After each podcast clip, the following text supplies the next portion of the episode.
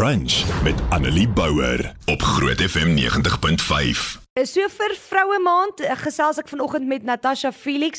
Ons gaan dit in Engels doen. Nou uh, Natasha Felix is 'n vrou van vele talente. Okay. She is 45 years old of age. She calls herself a fitness freak. She's a qualified special needs teacher. She's a qualified long and middle distance athletics coach. She coaches athletics at the school for abled and differently abled bodied learners.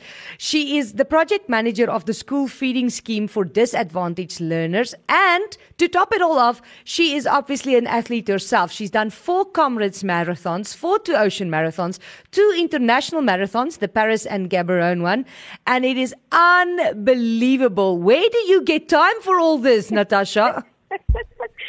Good morning, Annelie. Good morning to everybody. Uh, thank you for having me on the show this morning. Yes, I also ask myself at times, where do I get the time to do all of this? But I, but I, I, believe God has really created me in this way to be able to perform all these duties. It is amazing. So you are a special needs teacher. You are also a coach. Uh, they call you, and uh, you have a lot of campaigns that you are a part of. One of the things I would like to talk to you about is a awareness campaign for rape victims. Why did you decide to do this? Yes. So um, at the age of 13, I was raped um, on my way to school, uh, growing up in the Cape Flats. Mm. So you would have to commute from the disadvantaged areas to the more advantaged areas uh, for schooling privileges. And Annelie and the audience, I kept quiet about this for years. Um, I've only recently opened up about um, my rape because I felt that I have walked the journey. I have found myself and I'm currently blooming through the wounds that I was bleeding um, through for all these years. So it is so important for me to talk to women about it because sometimes we feel that we are the only ones who have gone through it and we walk with, with shame and we hate ourselves, but in actually we need to find ourselves and, and live a life that God has created for us and that is why I raise awareness about um, about rape and that being raped is not the end of the life, but um, it is the beginning of new life. Oh, wow. I think that is something in South Africa that we really need to teach our young girls, especially, but also boys, because uh, obviously boys also get raped, but to, to teach them that this is not the end. I told somebody the other day, my biggest problem uh, regarding rape is that is when I hear a woman say they should have rather killed me. And I go like, no, that is exactly what you do not say because you are still alive. And that is amazing. You are alive and you are a testimony that yes, it has happened to me. It is not the end of the world. I have learned how to deal with it and I can reach out to the next person and walk the journey with him or with her. This is unbelievable. So uh, you do a lot of campaigns, obviously the for rape victims, mental health awareness, uh, breast and cervical yes. cancer awareness, and then your school yes. feeding scheme project. Quickly tell me about the school feeding scheme project. So we are a government school. And um, like I said, it's a special needs school for learners with physical disability and learner disability. So currently we have about 30 learners that's on the feeding scheme project.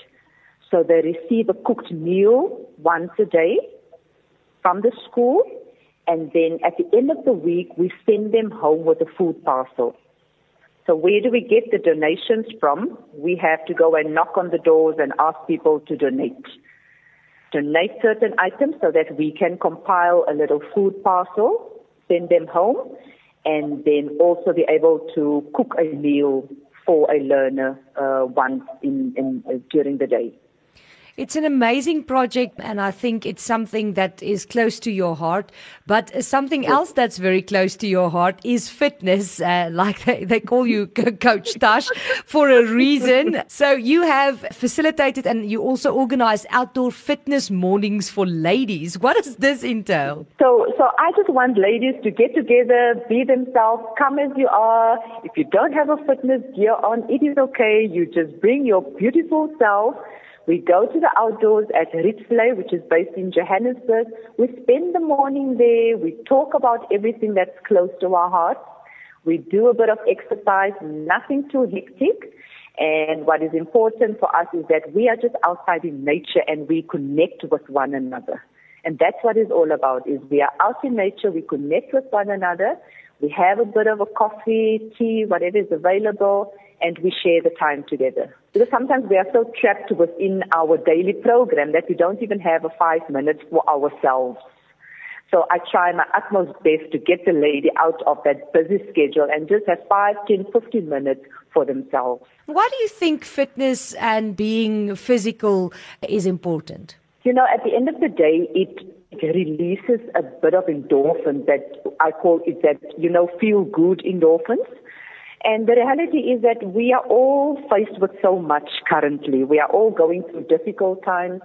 And a bit of feel good would do any person good right now. And even if it's for five or ten minutes, like I say, it will help you. So sometimes we take it a bit further. We feel good for 10 minutes. We say, I've really enjoyed what I've been feeling and I want more. And Tash, how can I get involved in more? And then I say, okay, so now let's take it further. Let's look at a bit of a fitness program. Let's see how we can involve the family, you know, and how we can involve others around you. But at the end of the day, again, it boils down to me wanting to make a change within me so that I can change whoever is around me. Now, my question is with everything that you do, being a special needs teacher, being a coach, helping with the food uh, program, the awareness campaigns that you do, where do you get time to train for the comrades? it's crazy, Annelie. It's crazy. But I am, my coach always says to me, Tash, you are one of the most disciplined athletes that I have. I am a sucker for discipline. I'm a sucker for time management. Um, so I have learned how to manage my time and how to say that this is the goal. The goal is to run comrades. And in order for me to be able to get to the starting line, I need to put the work in. And how important is it for me and how hungry am I to achieve the goal? If I am not too hungry, then I won't do anything, but I am very much hungry to, to achieve the goal. So yes, it's time management. I have to jiggle things around, but at the end of the day, we need to get the work done. It is amazing what you do. My last question for you is what do you think is a woman's superpower? So I normally say that um, people come to me and they say to me, wow, you've run the comrades and you do all of this. You are amazing. And then I turn around and I say, my personal superpower is being a special needs teacher. Because for me, being a special needs teacher is an amazing opportunity to spread love and to be the light.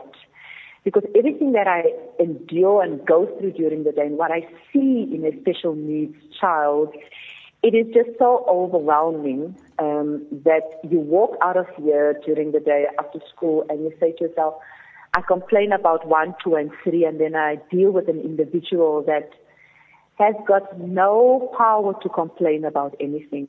So for me, that is my superpower. But in general, for a woman, I would say it is her smile because women have got the ability to smile through so much pain. And that really is an amazing superpower to have. That is awesome. Natasha, I know that you are actually currently at school and you still have a class to attend. So thank you very much for your time this morning and uh, for all the work that you do. We are celebrating you this Women's Month. Thank you so much, Annelie, and thank you to the audience. Annelie Bouwer, weekoggend tussen 9 en 12 op Groot FM 90.5.